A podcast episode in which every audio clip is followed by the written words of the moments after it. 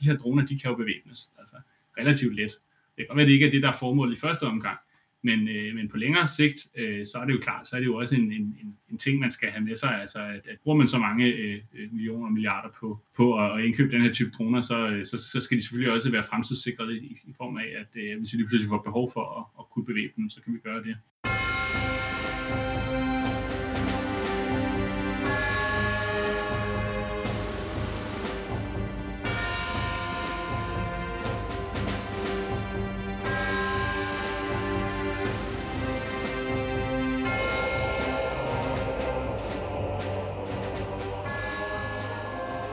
Goddag igen og velkommen til Krigskunst podcast, hvor vi diskuterer militære emner og sikkerhedspolitik med forskellige eksperter. Mit navn er Kasper Vester, jeg er til daglig journalist på Olfi, og jeg producerer podcasten sammen med min medvært Anders Puk Nielsen, som er militæranalytiker. I dag har vi besøg af Andreas Grå til en samtale om droner. Men ganske som jeg plejer, skal jeg først lige huske at nævne, at alle medvirkende kun giver udtryk for deres egne meninger i programmet, og altså ikke taler på vegne af nogen organisationer, som de måtte have en forbindelse til. Og med det formelle ud af verden, så skal vi have en lidt grundigere præsentation af både dagens emne og af vores gæst Andreas. Anders? Ja, øh, tak for det. Det skal vi nemlig. Droner har indtaget den moderne kampplads, og de vil være en integreret del af faktisk enhver krig fremover. På få år så har de ændret især logikken omkring luftkrig, og de udfordrer på mange måder vores traditionelle forestillinger om, hvad luftherredømme og luftforsvar er for noget. Øh, men udviklingen går stadig rivende hurtigt, og vi er så ikke i nærheden af et sted, hvor dronerne ligesom er færdige med at revolutionere den måde, vi fører krig på. Så hvordan har dronerne ændret krigen indtil nu, og hvor er vi på vej hen af? Det er nogle af spørgsmålene i denne udgave af Krigskunst podcast. Vi har besøg af Andreas Grå, som er adjunkt ved Forsvarsakademiets Institut for Militær Teknologi. Her forsker han i droner og deres militære betydning, så Andreas Grå er den helt rigtige til at fortælle om dronerne og deres indtog på kamppladsen. Andreas Grå, velkommen til Krigskunst podcast. Mange tak, og tak for invitationen. Andreas, det kan være, at vi skal starte med øh, det sådan helt basale, for lige at få, øh, få alle med. Hvad er en drone i det hele taget? Ja, det er jo også det, man kan sige. Det er jo et godt spørgsmål, for, for, øh, for det er jo egentlig ikke så klart defineret endda. Øh, I princippet er det jo øh, i virkeligheden en hvilken som helst øh, flyvende robot, som øh, enten øh, kan fjernstyres, eller, øh, eller kan flyve autonomt eller, eller automatisk. Øh, men for mange, så er det jo nok, øh, vil jo nok forbinde den med de her, øh, øh, hvad hedder det, mere eller mindre hobbyagtige legetøjs øh, øh, gadgets, man kan købe i butikkerne, og så man kan sende op i luften og, og tage nogle billeder. Men, øh, men, men i lang tid, så var droner jo altså ikke noget, som var hver mands eje, øh, og, og det er jo også det, vi skal tale om i dag, hvordan de jo øh, bliver udviklet militært øh, og gør en kæmpe forskel øh, i, i øh, den måde, vi, vi fører krig på, og den måde, vi forstår krig på. Og jeg kan også sige, at det her, øh, det der ligger i ordet drone, øh, er jo også sådan lidt, lidt ambivalent, øh, fordi der er jo, det er jo på, på både det, det samme ord på både dansk og engelsk, og på, det har jo ligesom, det, det, det, det henviser jo både til, øh, til det her insektet, øh, en, en, sådan en handbi, øh, som jo ikke har nogen brød, så hvis den eneste funktion er at befrugte øh, hundbien eller dronningen, og så er det samtidig også den lyd, den her summelyd, og det er jo på en eller anden måde, så har det jo, øh, det har jo den, også en indvirkning på, hvordan vi, øh, vi, vi forestiller os droner. Og det er den her, den her lidt summende øh, lyd, som jo alle kender. Øh, når, når de hører en drone, så lyder det jo nærmest som en bisværm, der kommer flyvende. Og det er jo også derfor, det er jo ikke for ingenting, at man i, i, i Mellemøsten, og dem der, der har levet øh, under, under droneovervågning, der har de fået øgenavnet Sanadas, som er sådan myg, eller sådan øh, insekter. Så, så, så på den måde er der jo, øh, det, det er jo på den måde, er det er det, er det jo mange ting, øh, og det kan jo være alt fra de helt små til de, til de kæmpe store droner. Øh, men, men fælles for dem er jo, de, øh, de er ubemandede, og de, de siger den her summelyd. Og det, det, det er primært sådan nogen, der, der flyver, ikke også? Altså øh, bare for lige ubemandede øh, skibe for eksempel, eller øh, ubemandede kampvogne, vil man kalde det for droner? Altså, det er der jo nogen, der, øh, altså, det, det, jeg tror, det, det, det de fleste forbinder med en drone, det er jo en, en flyvende robot. Øh, så har man, så taler man også lidt nogle gange om droneskibe, droneubåde, men altså, den, den, øh, den er mere, øh, øh, hvad hedder det, tekniske betegnelse for dem er jo også de her UAV, eller UAS, øh, som er Unmanned Aerial Systems, og så har vi så Unmanned Ground Systems, øh, eller Unmanned Ground Vehicles, som er de her landrobotter, Øh, så, så når man taler UAS bredt, øh, så er det jo, øh, eller, eller de her øh, ubemandede systemer, så kan det være øh, mange ting. Ikke? Men, men for droner, der er det for, for de fleste jo det her, der, der, der flyver rundt, ikke? fordi det er den måde, vi kender dem på, både i den civile verden og i den militære verden. Hvornår øh, så man de første droner sådan blive taget i brug? Nu har vi jo et militært sigte i det her program, men startede det som en civil teknologi, som man så har adopteret, eller, eller hvordan er de her egentlig udviklet, og hvornår så man dem første gang, sådan måske særligt militært? Ja, og, og det, det startede jo som en militær teknologi, som så mange andre af de her teknologier, vi, øh, vi bruger i dag, øh, øh, uden at tænke over det, ikke? mobiltelefoner, GPS, øh, alle de her ting. Øh, og der, der er der, dronerne var jo en, øh, faktisk, altså, det, det kommer an på, hvornår man, øh, man ligesom regner tilbage, men der er en lang historik for det her med at udvikle ubemandede øh, fly og, og, og systemer. Øh, helt tilbage til Første Verdenskrig havde man sådan en, øh, et, et, et, et, et fly, man forsøgte at sende op og, og fjernstyre, øh, som hed The Kettering Bug, øh, som godt nok øh, ikke viste sig super effektivt, men som, som i forhold til at kunne, kunne, kunne lave den her luftovervågning, som jo også var noget af det, der, der revolutionerede krigen dengang. Men den, den moderne drone, som vi kender den, den, er jo, den går faktisk tilbage til, til 70'erne, så det er også et stykke tilbage, hvor der var en, øh, en israelsk øh, ingeniør, der hedder Abraham Karam, som, øh, som øh, under Yom Kippur-krigen i 73 allerede øh, faktisk øh, udviklede øh, det, han, det, han kaldte øh, en albatros øh, til, fordi at israelerne stod og skulle øh, angribe, øh, øh, hvad hedder det, sende sende deres kampfly ind med bomber over Syrien og Ægypten, men blev stoppet af øh, russisk produceret luftværn, faktisk luftforsvarssystemer. Og så var det så, øh, så på en, allerede på kun en måned, så udviklede den her øh, øh opfinder, øh, ingeniør, altså øh, den her Albatros-drone, som man brugte som lokkedue til at sende ind over, øh, for at kunne øh, afsløre de her øh, luftforsvarssystemer, øh, og så derefter kunne kunne sende missiler mod dem. Og det, det, det der er lidt sjovt, det er faktisk, at vi ser lidt historien gentage sig selv i dag. Det kan vi, kan vi komme lidt tilbage til senere hen i programmet her, men altså øh, i for eksempel de seneste konflikter i Nagorno-Karabakh, er det faktisk lidt det samme, den samme funktion, man kan bruge droner til det her, med som sådan en form for, for lokkedue, man sender ind ubemandet, øh, og på den måde, øh, når den bliver skudt ned, afslører, øh, hvor er øh, fjendens øh, øh luftforsvarssystemer. Så, så man kan sige, det er den, den ham her, Abraham øh, Karam, han bliver også øh, populært kaldet The Drone Godfather.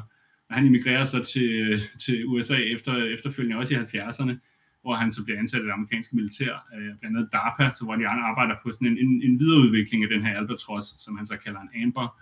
Øh, og, og, og det til at starte med er det jo som en, en, en, et overvågningssystem, og det er også det, som dronen har haft som funktion af, øh, historisk set traditionelt, som, som en overvågningsplatform.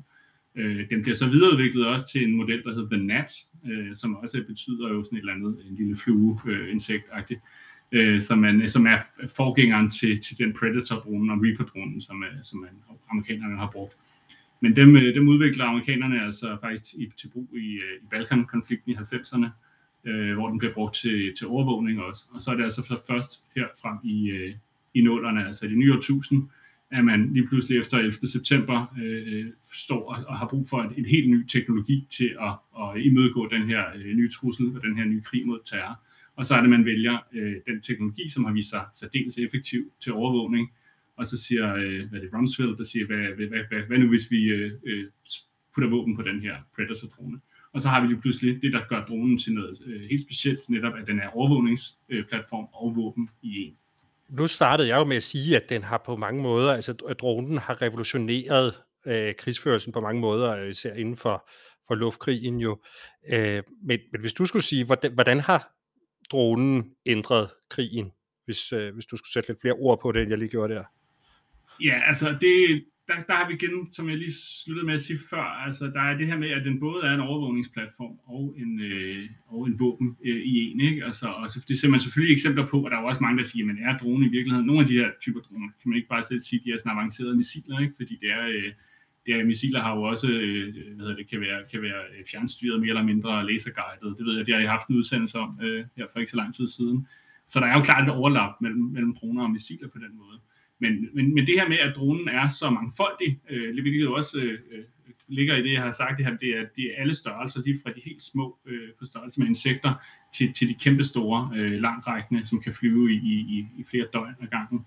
Så, så den her øh, fleksibilitet og mobilitet, øh, som dronen repræsenterer, og, og den, øh, ja, man kan sige, den, den lange flyvetid, øh, og det, at den, den har, det, den effekt, den har haft jo, at man har kunnet trække, at man, man, man trækker i virkeligheden soldaten eller fly, piloten ud af, af, af, af, af skudlinjen. Altså, så, man, øh, så det er den her nye form for risikofri krig, man kan føre med dronerne ved at, at fjernstyre dem. Ikke? At der kan sidde en pilot 3.000 km væk øh, i, i, øh, i Nevada øh, i en base der, og så styre en, en drone, der rent faktisk flyver rundt i, i Afghanistan, og, og, og hvor de ellers man har brugt dem i, i Mellemøsten.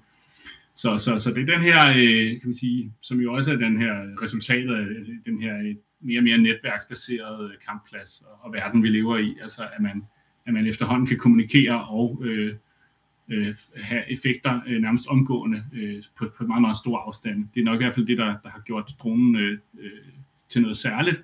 Og, og så netop de her konflikter, som øh, så de her øh, øh det, oprørsbekæmpelsesmissioner, som, som øh, hvad hedder det, Vesten med USA i spidsen har ført, øh, der, der skruede man jo gevaldigt op for, øh, for brugen af droner, øh, sådan der omkring, omkring øh, halvvejs, altså i, i omkring 2010-2011, hvor man begynder at få rigtig, rigtig store tab på grund af de her vejsidebomber øh, i idéer.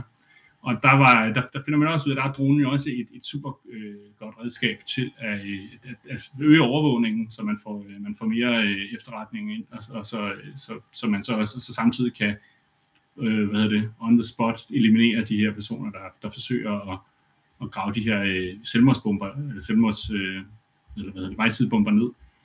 Så, så på den måde er det også et, et, et, en teknologi, der faktisk er designet til en helt speciel opgave, og det er netop at identificere og eliminere de her vejbombetrusler. Øh, altså jeg hørte sige, det er sådan primært to formål, de er udviklet og brugt til, altså overvågning og, og, og så som, som våben.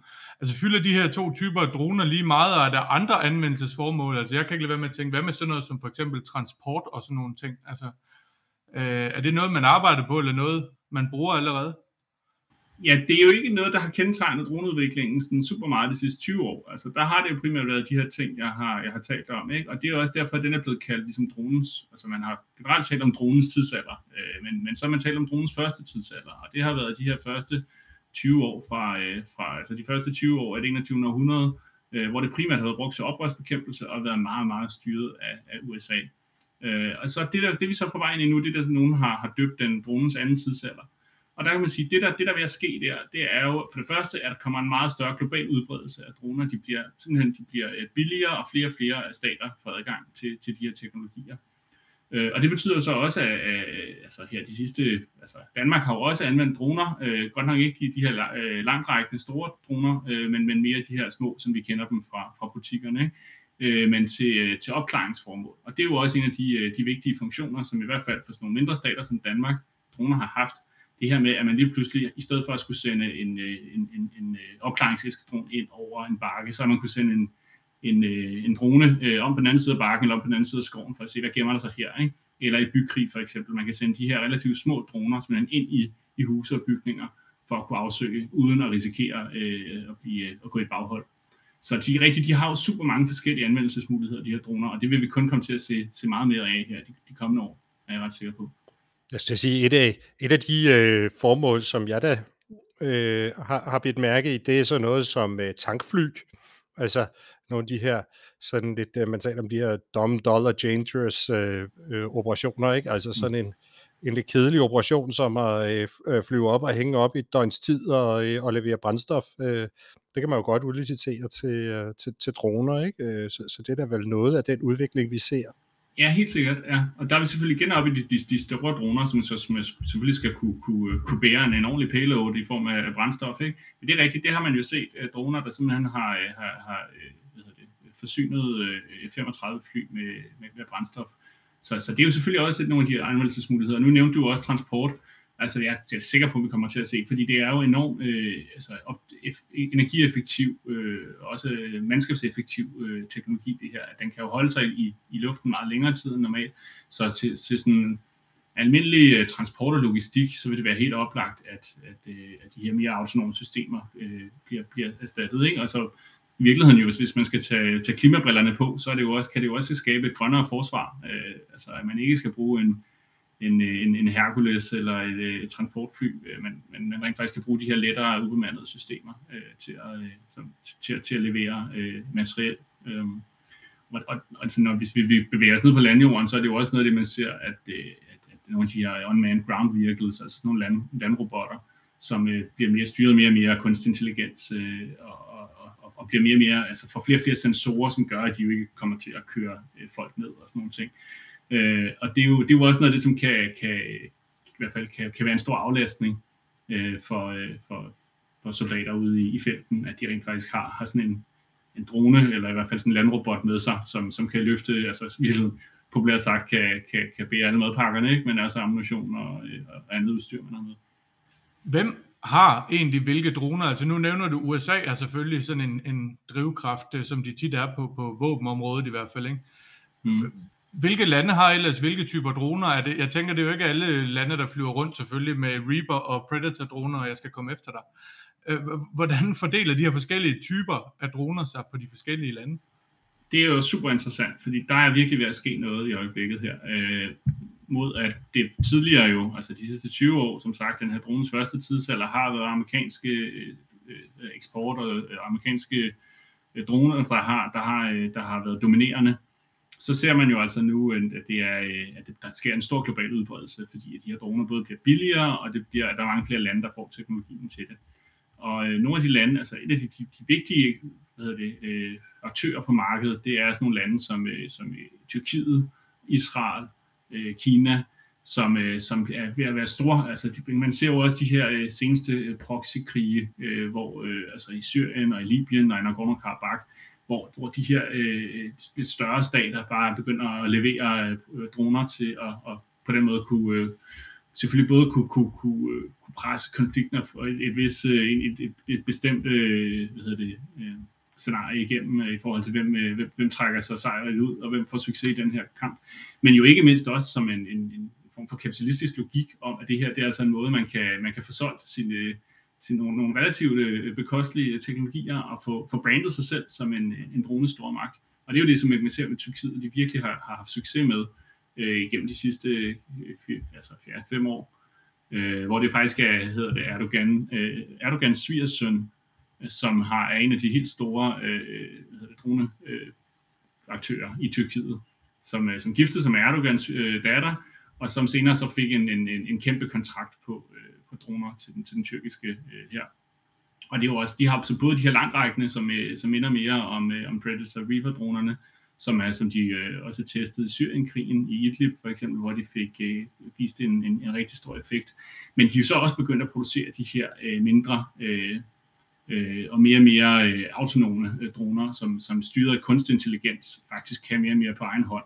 Og, og det er jo noget af det, man har set i, i, i Libyen for eksempel, at, øh, at de her tyrkisk producerede Cargo 2-droner har været anvendt øh, på måder, som, øh, som, som helt klart begynder at rykke lidt også ved, ved nogle af de etiske forestillinger, vi har om, øh, om krig. Det har droner måske hele tiden gjort, er der nogen, der vil sige, ikke? Men, øh, men, men det er første gang, i hvert fald ifølge en FN-rapport, at man ser øh, droner øh, mere eller mindre angribe øh, i sværme, bliver det kaldt. Det kan vi jo også tale om, hvad, hvad er en sværm. Men i hvert fald flere droner, som angriber mennesker øh, på egen hånd angiveligt. Det bliver ikke sagt direkte, men det bliver antydet kraftigt, at det er det, de gør.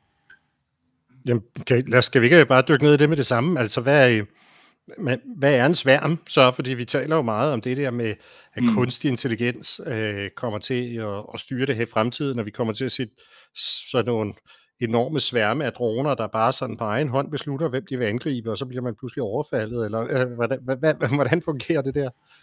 Ja, og det er jo, det lyder jo helt øh, science fiction-agtigt og dystopisk, at der skulle lige pludselig komme sådan nogle robotsværme, der angriber, øh, men, men, og, og, og, man skal selvfølgelig også, der man kan finde mange YouTube-videoer, hvor det ser helt vildt ud, det der, de der de sværme, der bliver sendt op og sådan nogle ting. Man skal selvfølgelig også tale med et grænsalt, fordi tit så er det jo øh, de her øh, droneproducenter, der, der godt kan lide at få det til at se ud som om, at det er, det er, det er super revolutionerende det her, men, Øh, øh, men, men det, det, der, det, der ligesom kendetegner øh, en sværm, eller en dronesværm og swarming, som man, man begreb, det er det her med, at det er øh, øh, altså et større antal droner, der angriber på samme tid.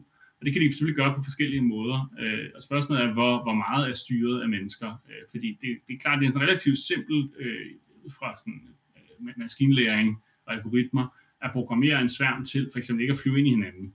Øh, og til at holde sig sammen som sværm.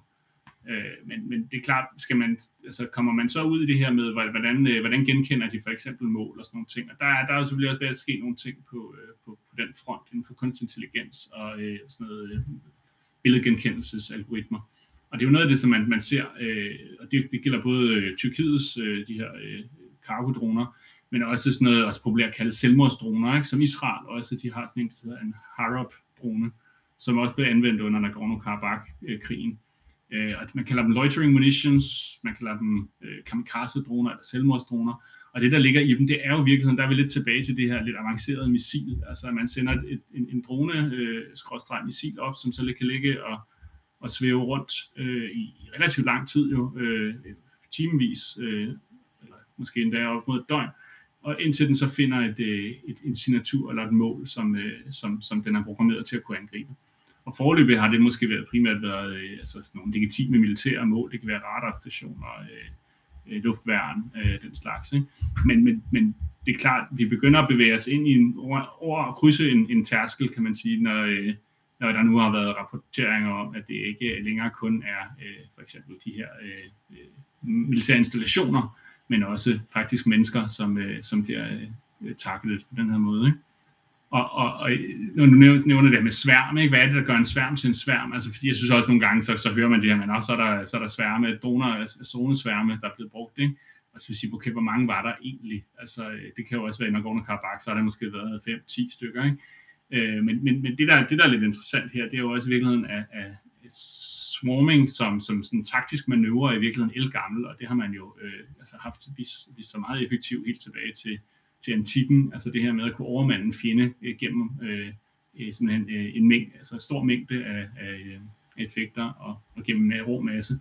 Så det her med ligesom at forvirre fjenden ved at angribe dem mange, hvor mange sider på en gang, øh, det er jo noget af det, som, øh, som, som droner også så kan bruge specielt i den her udvikling, hvor de bliver mindre og billigere hele tiden.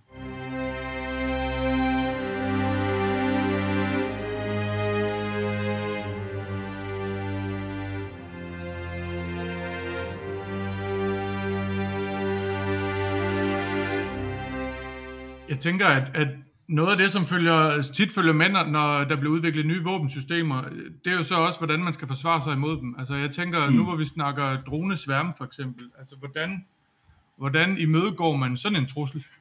Ja, det er jo også et godt spørgsmål, fordi det har man nok ikke rigtig noget svar på entydigt øh, endnu. Og det er jo også det, som gør nok, at mange lande de pludselig siger, Hov, øh, hvad, fanden, hvad fanden stiller vi op efter, øh, efter at have set eksemplerne her, for eksempel i Nagorno-Karabakh, hvor det var... Øh, Azerbaijan og, og Armenien, der kæmpede, og hvor øh, det, at, at Azerbaijan blev øh, forsynet med, øh, med den her helt nye type avancerede øh, droner, små droner fra både Israel og, og Tyrkiet, simpelthen gjorde, at de fik en kæmpe teknologisk fordel mod øh, Armenien, som ikke havde øh, luftforsvar, der på nogen måde var givet til det her. Så, så det øh, Azerbaijan gjorde, det var, at de, de fløj faktisk ind, som jeg også var inde på tidligere, øh, med, med nogle sådan relativt øh, sådan klodset bygget, øh, øh, øh, ubemandet øh, fly, de havde ombygget, øh, til at, altså brugte som lok, lokkeduer til at, af, til at afsløre øh, øh, luftforsvaret. Og når de så havde gjort det, så kunne nogle af de her øh, øh cargo 2, eller hvad hedder det, øh, Harab, øh, Israel, Israels, de her loitering munitions, selvmordsdroner, så flyve ind over og, og eliminere øh, radarstationer og, og luftværn.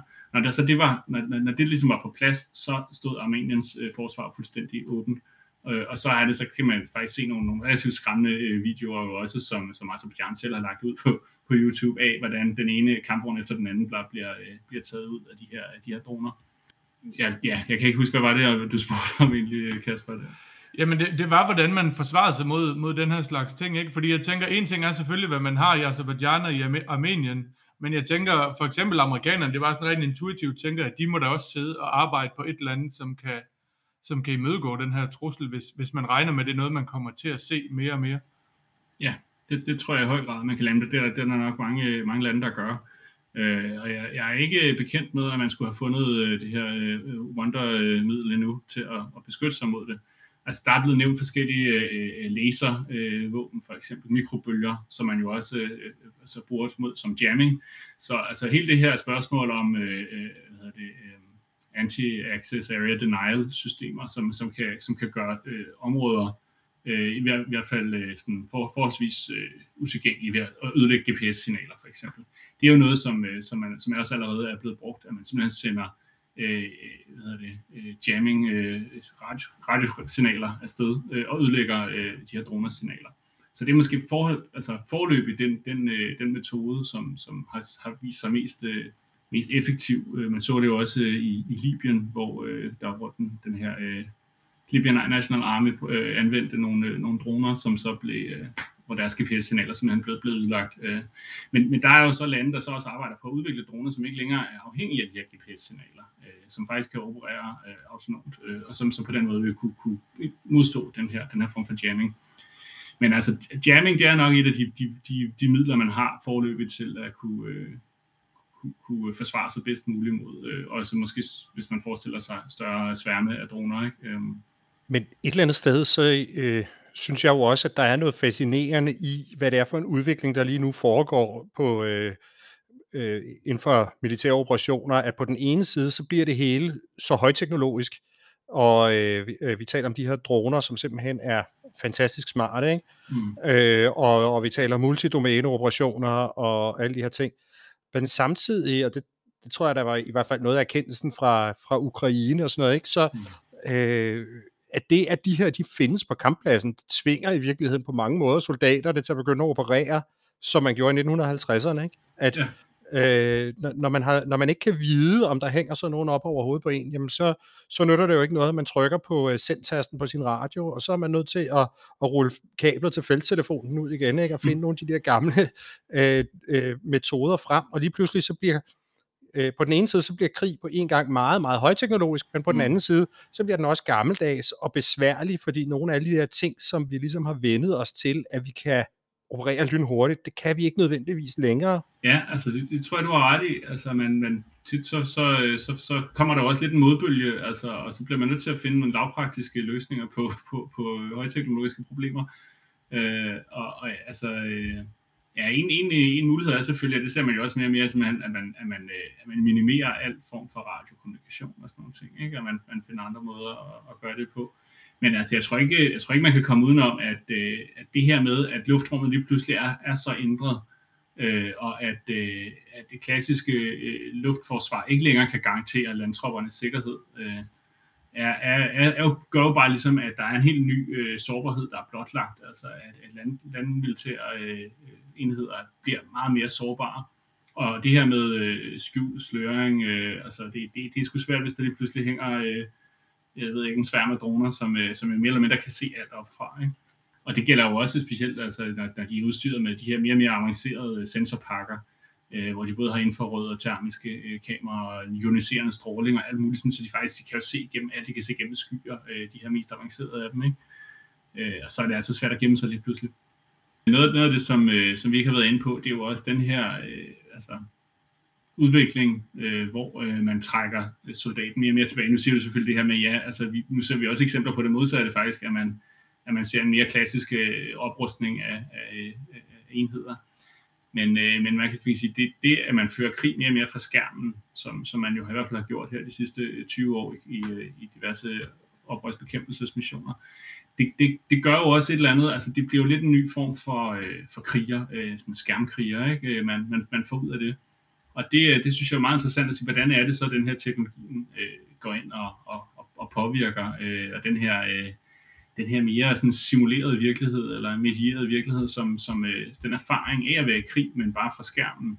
Og der, der ser man jo også eksempler på, i hvert fald blandt amerikanske dronepiloter, det er jo ikke, selvom det er blevet kaldt øh, øh, sådan en, en form for, for computerspilskrig, så, så er det bestemt ikke det, der i hvert fald bliver, øh, bliver, bliver rapporteret. Altså de får øh, øh, måske ikke de samme traumer, men de får, får i hvert fald PTSD, øh, rigtig mange af de her piloter, fordi de faktisk øh, ser deres, øh, deres mål i, øh, i højere opløsning og, og, og tættere på, og, og følger dem øh, inden. Så de, de udvikler jo sådan en paradoxal intimitet i forhold til, til det, de ser, i forhold til, hvad, øh, hvad man måske gør, når man står på længere afstand i en, i en klassisk situation.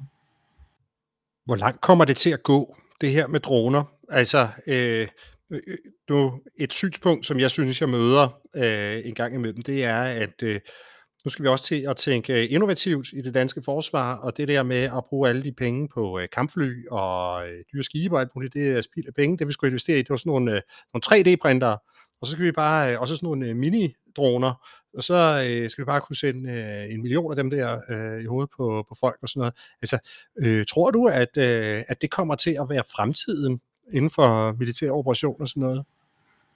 Altså sådan noget som 3D-printer, altså jeg tror da på et eller andet tidspunkt kommer det jo til at, altså vi ser jo forvejen det her med den her øh, tendens til, at, øh, at, man, at man kan producere øh, droner øh, langt billigere end tidligere, og, og når vi lige pludselig står i en situation, hvor man så også netop ved at have øh, øh 3D-printer med, faktisk nærmest kan, kan, kan printe sine våben på, øh, på stedet, og, og hvad man i øvrigt ellers har brug for, for at opbygge en base, så, så tror jeg, det, det har da nogle, klar, nogle store logistiske fordele, ikke?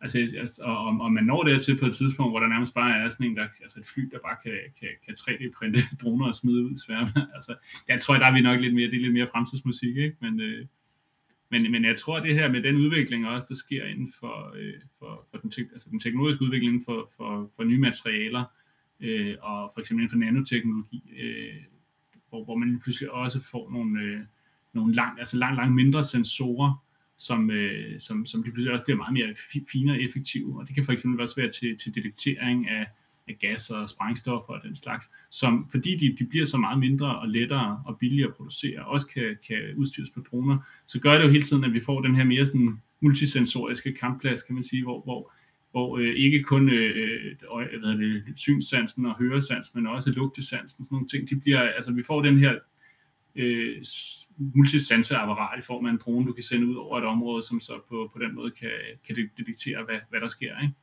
Så, så det her med, at der kommer flere og flere sensorer, både på, på, øh, på, på mennesker og maskiner derude, som, som gør, at man hele tiden får et, øh, et, et, et, et mere og mere detaljeret øh, øh, situationsbillede og, og situationsforståelse. Det tror jeg, vi kommer til at se meget mere af. Så kan man så stille det spørgsmål, kan det også blive, altså kan, kan vi få den her informationsoverload, altså kan der simpelthen blive for meget data og, og for mange informationer til, at noget menneske øh, muligt kan holde styr på det. Det er jo også et af de store problematikker ved, ved big data og den her datadrevne kampplads. Altså så har vi simpelthen brug for nogle, øh, nogle systemer, der kan håndtere det her data, sortere i det, filtrere det, og på den måde fungere som, øh, som en, en, en, en brugbar beslutningsstøtte for, for de militære ledere i hovedkvarteret, der skal træffe beslutningerne.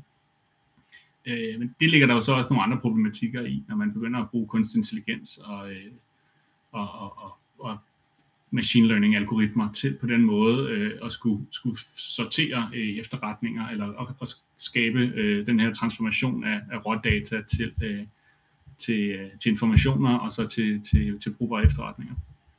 Men hvad er i dag egentlig øh, flaskehalsen i det her? Altså, øh, øh hvad skal der til for, at vi, øh, vi kommer dertil, hvor vi kan det? Øh, ja, fordi jeg tror faktisk, i virkeligheden er der ikke, et, den ligger ikke så meget på teknologisiden. Den ligger nok i virkeligheden mere på organisationssiden, og måske også på doktrinsiden. Øh, altså, at, at, at man simpelthen ikke har en organisation og en, øh, en infrastruktur i militæret til at kunne, kunne øh, håndtere det her. Øh, så, så, så det, kan sige, det, det er i hvert fald første skridt, at man skal begynde at sige, hvordan, hvordan forbereder man øh, en organisationen øh, og, og til at gøre den mere moden til, til de her nye øh, øh, teknologier, der, der går hurtigere og hurtigere. Ikke? Altså vi har jo en, en, en, en kæmpe acceleration inden for teknologiudviklingen, som, øh, hvor, hvor organisationen øh, og den byråkratiske træhed, der følger, den, den kan bare simpelthen ikke rigtig følge med. Øh, og det var også der, nu var vi inde på det her med, hvordan, øh, hvor startede droner. Det startede faktisk som en militær teknologi, som så øh, drøbvis blev mere og mere civil, ligesom så mange andre teknologier. Men, øh, men i dag, der står vi faktisk lidt i den modsatte situation, at det er øh, de kommercielle og private aktører, som driver den her droneudvikling, øh, og hvor det faktisk er øh, de militære organisationer, der har svært ved at følge med i at få implementeret det. Og vi kan jo se det nu med, øh, med, med, med de her øh, langtrækkende droner, som er på, øh, på ønskelisten i den i forbindelse med den arktiske kapacitetspakke, der blev vedtaget her øh, tidligere på, i, på året. Øh, og, og der står man jo og siger, hvad, hvad, er, det, hvad, hvad er det for nogle øh, droner, vi skal købe ind her? Ikke? Øh, og, og, og, og det er lidt det samme, da, da der skulle købes øh, F-35 ind, og sige, det er jo så virkelig, virkelig mange penge, vi skal bruge på det her. Øh, og det gælder generelt øh, militær teknologi.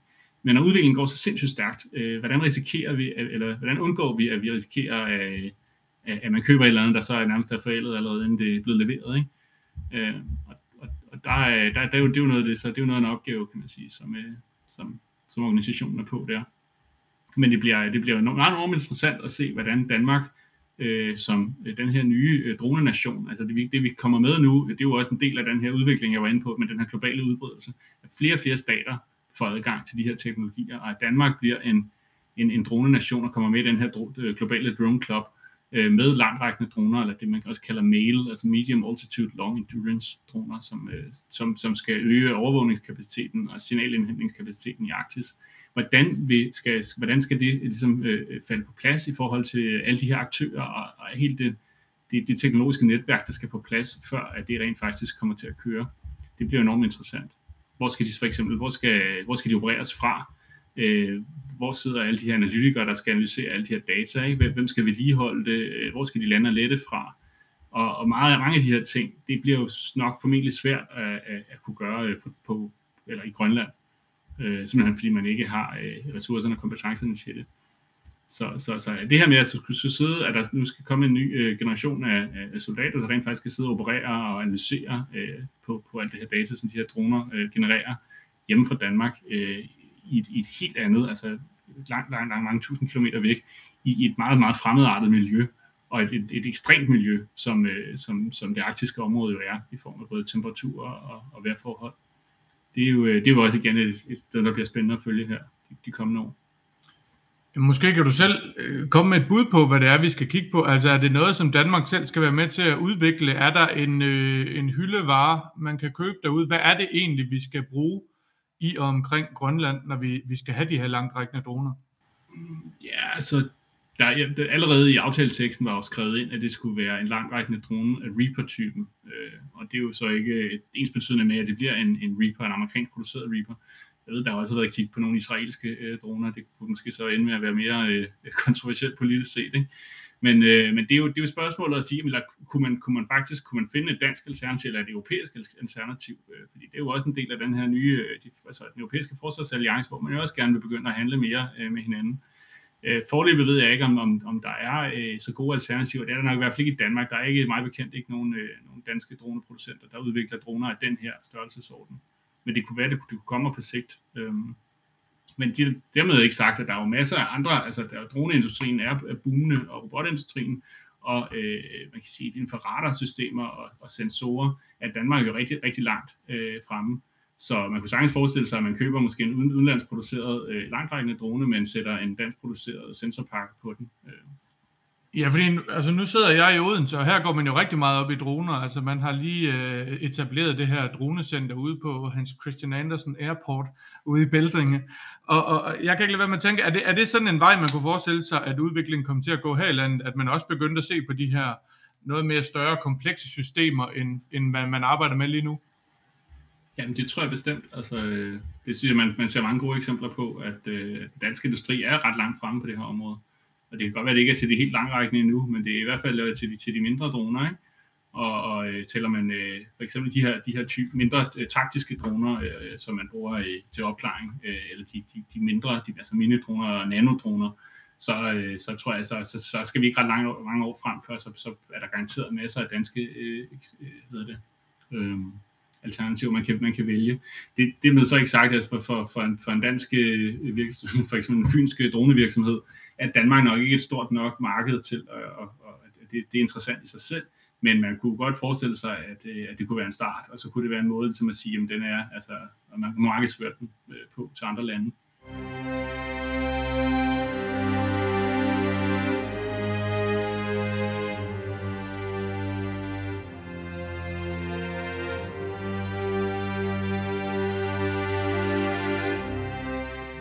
Nu, siger du, at Danmark bliver en drone-nation. Altså, øh, hvad, hvad i virkeligheden ligger der i det? Et eller andet sted, så lyder det jo som sådan et stort skridt, men altså, er det også noget, som på en eller anden måde, øh, vi skal til at forholde os til i, i noget selvforståelse? Du nævner også det her med øh, de her amerikanske dronepiloter, som får øh, øh PTSD og, og alt muligt i det. Altså et eller andet sted, så, må der, så er der vel nærmest, øh, altså det, det er jo sådan et, et, et skridt, hvor man rykker ind i en ny kategori, eller hvordan, hvordan bliver det taget imod det her? Jamen, det har du fuldstændig ret i. Altså, og forløbet er det ikke blevet... Øh, altså, jeg tror ikke rigtigt, det har nået offentlighedens øh, opmærksomhed nu, rigtig, hvad der, hvad der egentlig er på vej her. Øh, og, og, og det er jo også det er jo, det er jo, det er jo helt altså, selvfølgelig øh, skrevet meget tydeligt frem i den her aftaletekst, at det er til, øh, det er til overvågningsdroner, altså overvågningsbrug, det er for at finde, og så og, og, og, og møde, altså imødegå komme øh, NATO's styrkemål i form af at, at øge den her overvågningskapacitet, specielt ud for Østgrønland, hvor man ikke helt, altså det, det, det er jo sådan en ting, at der, der godt kan stresse NATO lidt og USA lidt, at man ikke rigtig er klar over, hvad foregår der egentlig herude.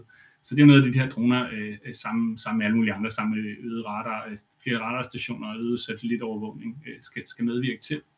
Men når det er sagt, så er de her langrækkende droner, nu er man i første øh, øh omgang, er der, er der sat to på, øh, på budgettet, ikke? men øh, der, der ligger også en lille øh, note om, at i det næste forsvarsforlig, der vil der, øh, der, vil der hvad hedder, formentlig blive, blive indkøbt flere af, af samme type. Så når vi først begiver os ind på den her vej med de her langrækkende droner, så er det jo formentlig fordi, at de skal, skal kunne bruges i, i andre sammenhæng også. Og der skal man jo også bare gøre sig selv bevidst, øh, og det står der selvfølgelig ikke et ord om i, i nogle af de her aftaletekster, men altså de her, de her droner, de kan jo bevæbnes altså relativt let. Det kan være, det ikke er det, der er formålet i første omgang, men, øh, men på længere sigt, øh, så er det jo klart, så er det jo også en, en, en, en, en ting, man skal have med sig, altså at, at, at, øh, at, at bruger man så mange øh, øh millioner og milliarder på, på at, indkøbe den her type droner, så, øh, så, så skal de selvfølgelig også være fremtidssikrede i, i form af, at øh, hvis vi lige pludselig får behov for at, at kunne bevæge dem, så kan vi gøre det. Og der rammer vi jo så også lidt ind i den her øh, man kan sige, øh, vedvarende øh, øh, spænding, eller hvad man skal kalde den, øh, omtålige øh, forhold, også som der kan ligge mellem en, en øh, tidligere kolonimagt som Danmark over for, for, for Grønland, og, øh, og hvor det nye selvstyre jo faktisk relativt øh, klart ytrede, at, øh, at man ikke ønsker, øh, altså man ønsker demilitarisering, man ønsker i hvert fald ikke øget dansk militær tilstedeværelse i Grønland og i det område der. Øh, så det her med at bygge en dronebase, og det pludselig begynder at ligge og flyve øh, øh, Reaper-droner rundt i, øh, i, i det grønlandske område. Øh, det, det, det, det, der har i hvert fald været nogle eksempler på, at det bliver måske ikke super vel modtaget, og der skal man selvfølgelig tænke alle de her kulturelle hensyn ind. Ikke? Altså, hvad, hvad betyder det for den, for, for den grønlandske øh, oprindelige befolkning? Øh, når det så er sagt, så er, det jo, øh, så er der jo også andre droner på, på samme, øh, i samme pakke, øh, og det er jo også de her øh, mindre droner, der skal bruges til øh, for eksempel search and rescue, øh, kyst, øh, og kystovervågning og kystredningsoperationer. Øh, også noget som øh, miljøovervågning og is, altså monitorering af issmeltning og alle de her ting, som også kan, som de kan bruge til civile formål.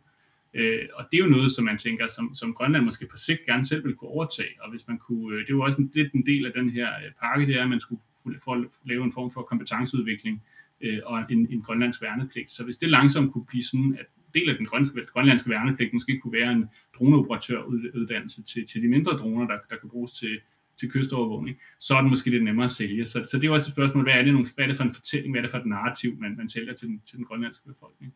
Og hvad er det for, en, for et narrativ, man sælger til den, til den danske befolkning i form af, at nu bliver vi lige pludselig sådan en dronenation med, med, med de her samme type droner, som vi har set, øh, med, altså alt efter hvor man står. Øh, ikke, ikke altid lige øh, øh, øh hvad hedder det, succesfulde øh, billeder. Altså, man kan jo se senest øh, den her måde, den tilbagetrækning, evakueringsindsatsen fra, fra Afghanistan, hvor øh, det er ligesom det sidste aftryk, amerikanerne satte på, på Kabul, det var jo altså det her virkelig tragiske angreb, øh, droneangreb, som, øh, som egentlig var rettet mod øh, en, øh, altså hvad man troede var en, en, en selvmordsbomber på vej mod lufthavnen, men så i virkeligheden viste sig at være en, øh, en, en, en helt uskyldig NGO'er og, øh, og hans, øh, hans børn og hans øh, nevøer. Så så man kan sige, der, er jo, der ligger jo klart en, øh, en, en fortælling også om øh, de her dronemissioner, øh, som, som noget lidt grimt og noget lidt øh, moralsk, noget, der, der giver lidt moralsk ubehag for mange. Ikke? Og det, det, det er jo måske blandt andet fordi, at man jo også ser eksempler på, øh, eller har hørt af de her historier, fortalt om, øh, om, om fejlslagende amerikanske droneangreb øh, i, i for eksempel Pakistan og Afghanistan. Jamen, øh, så tror jeg, at vi nåede til vejs ende i øh, det her afsnit også. Andreas Grå, tak fordi du vil være med. Selv tak, det var en fornøjelse. Det var det, også for vores side. Og til lytterne, hvis du ikke allerede abonnerer på Krigskunst podcast, så kan du gøre det ved at gå over på krigskunst.dk og finde det link, som passer til din foretrukne afspiller. Vi udkommer som bekendt cirka en gang om måneden, nogle gange skrider det en lille smule, men hver gang er det med en ny samtale om et aktuelt militært emne. På genhør.